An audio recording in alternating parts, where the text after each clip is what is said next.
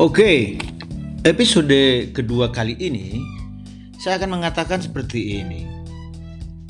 Perang adalah suatu tindakan politik, tetapi dalam pandangan saya, tindakan politik itu pada gilirannya dapat menimbulkan dua konsep ekstrim yang sangat saling bertentangan. Yang pertama adalah perang sebagai suatu lanjutan daripada politik. Artinya, perang pengganti kegiatan, kemudian keinginan politik yang tidak tersalurkan. Jadi, kebijaksanaan, kebijakan politik memilih jalan untuk berperang. Kebijakan politik itu dapat berhenti apabila para pemimpin politik dan para pemimpin militer dapat secara leluasa menggariskan perjuangan militer berdasarkan logika yang inherent di dalam kegiatan militer tanpa gangguan dan intervensi pertimbangan politik. Nah, pandangan yang berpikir seperti ini jarang dan sangat kecil sekali peluang yang terjadi. Yang lazim adalah contohnya di kalangan militer pada zaman Napoleon. Clausewitz sendiri dengan pandangannya di atas sangat berbeda dengan apa yang disampaikan oleh oposisi Moltke terhadap Bismarck pada tahun 1866.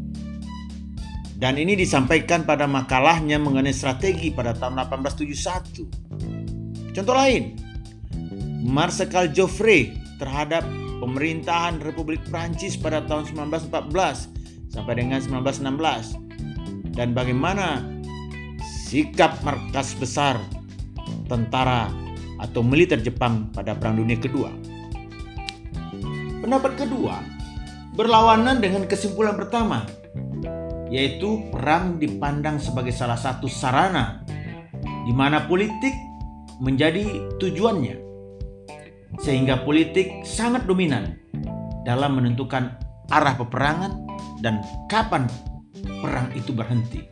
Nah, pandangan ini banyak pengikutnya, antara lain Winston Churchill, Joseph Stalin, Adolf Hitler, dan Benito Mussolini. Semua terjadi pada Perang Dunia Kedua. Eksklusivitas pandangan ekstrim ini yang berbeda satu sama lain, namun ada hubungan mutualisme eksklusivitas mengakui dan diakui oleh Clausewitz. Kemudian Clausewitz sendiri memecahkan persoalan-persoalan ini secara berhati-hati. Kemudian bagaimana dia memberikan pandangan dan analisisnya pada tahun 1818 dia menyampaikan pendapatnya mengenai teori kemiliteran yang dapat dianggap sebagai falsafah perang. Kajian ini dapat diungkapkan sebagaimana apa yang disampaikan oleh Clausewitz.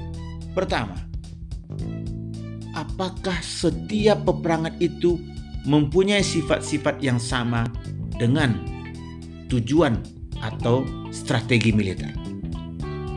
Kedua, apakah tujuan militer dalam sebuah perperangan berlainan dengan tujuan politik. Yang ketiga, seberapa besar kekuatan yang harus digerahkan untuk mendukung sebuah peperangan.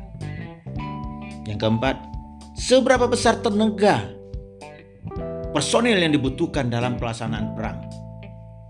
Yang kelima, yang paling penting, bagaimanakah bapak-bapak tahap-tahapan peperangan itu yang harus dilalui Sementara bagaimana perhitungan penderitaan rakyat?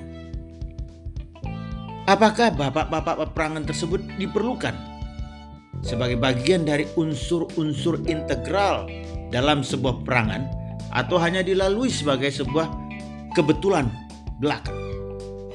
Yang ketujuh, apakah kita harus menganggap bahwa perang itu tidak hanya terdiri dari satu macam saja, tetapi terdiri dari berbagai macam aspek yang ditentukan.